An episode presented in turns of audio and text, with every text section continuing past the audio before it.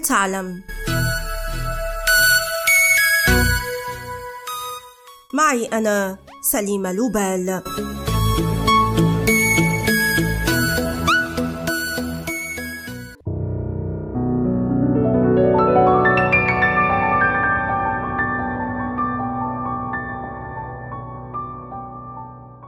خلال فترة كوفيد-19 لم يكن يظهر من وجوهنا غير حواجبنا التي برز دورها الكبير في التواصل غير اللفظي فهي تعكس تارة رغبتنا في التساؤل وتارة أخرى تعجبنا فيما قد تعبر عن حالة غضب أو تشكيك تنتابنا.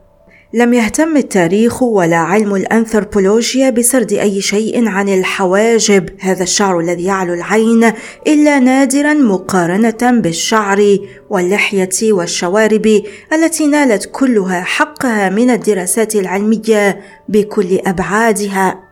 ربط أرسطو قوة الشخصية بشكل الحاجب وموقعه على الجبهة وكثافته ولونه أيضا. لقد كان الحاجب بالنسبة له بمنزلة توقيع شخصي لا يمكن ابدا تقليده. لكن ماذا عن غياب الحاجب؟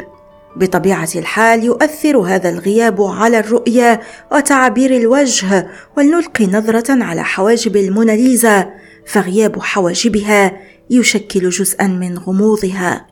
كان البعض يعتقد أن للأمر علاقة بموضة سادت في عصر النهضة في كل من إيطاليا وإسبانيا في ذلك الوقت لكن تقنية حديثة أكدت أن ليوناردو دافنشي رسم حواجب الجوكوندا التي تغلب عليها الزمن فمحت من على اللوحة الأكثر شهرة في العالم. كما أوضحت دراسة أمريكية أن التعرف على أي شخص بعد إخفاء عينيه أسهل بكثير من التعرف عليه بعد إخفاء حاجبيه. ودراسة التحولات التي تطرأ على الحواجب تسمح أيضا بمتابعة تطور المجتمعات. ففي التقاليد اليابانية سرت موضة الحواجب الرقيقة والمقوسة. لقد كان اليابانيون يقلعون الحواجب كلها ثم يعيدون رسمها على الجبهة لتبدو مشاعرهم أكثر جمودا. ولفترة طويلة سيطرت هذه الموضة التي تثبت أن تغيير رسم الحواجب يغير تعابير الوجه أو يغسلها تماما منها. وأبرز الفن السابع كذلك دور الحواجب مع الأفلام الصامتة التي زادت شهرتها في زمن تشارلي تشابلن وغروشو ماركس. لقد كانت حواجبهما تتحرك لترافق صمتهما وتعبر عما يقولانه أمام الكاميرا. لكن ما الذي تغير في الحواجب اليوم؟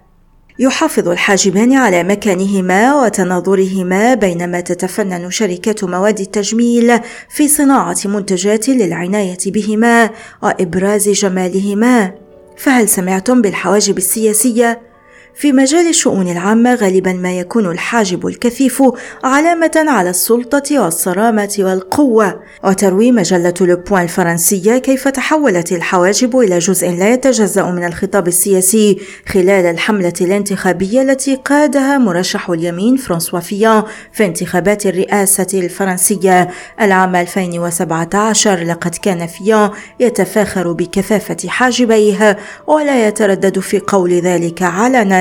وليس فيا وحده بل هناك قائمة طويلة من السياسيين عبر العالم الذين لطالما اهتموا بإظهار هذا الجانب الشكلي وربطه بشخصيتهم وخطابهم السياسي وإن بطريقة غير معلنة لكن تفحص الصور كفيل بأن يساعدنا على إدراك ذلك. لكن هل يمكن أن تصدقوا بأن عقد الحاجبين يتطلب تحريك 47 عضلة من عضلات الوجه؟ يبدو ذلك ضربا من الخيال ولكنه حقيقة. عليكم أن تتيقنوا منها بأنفسكم.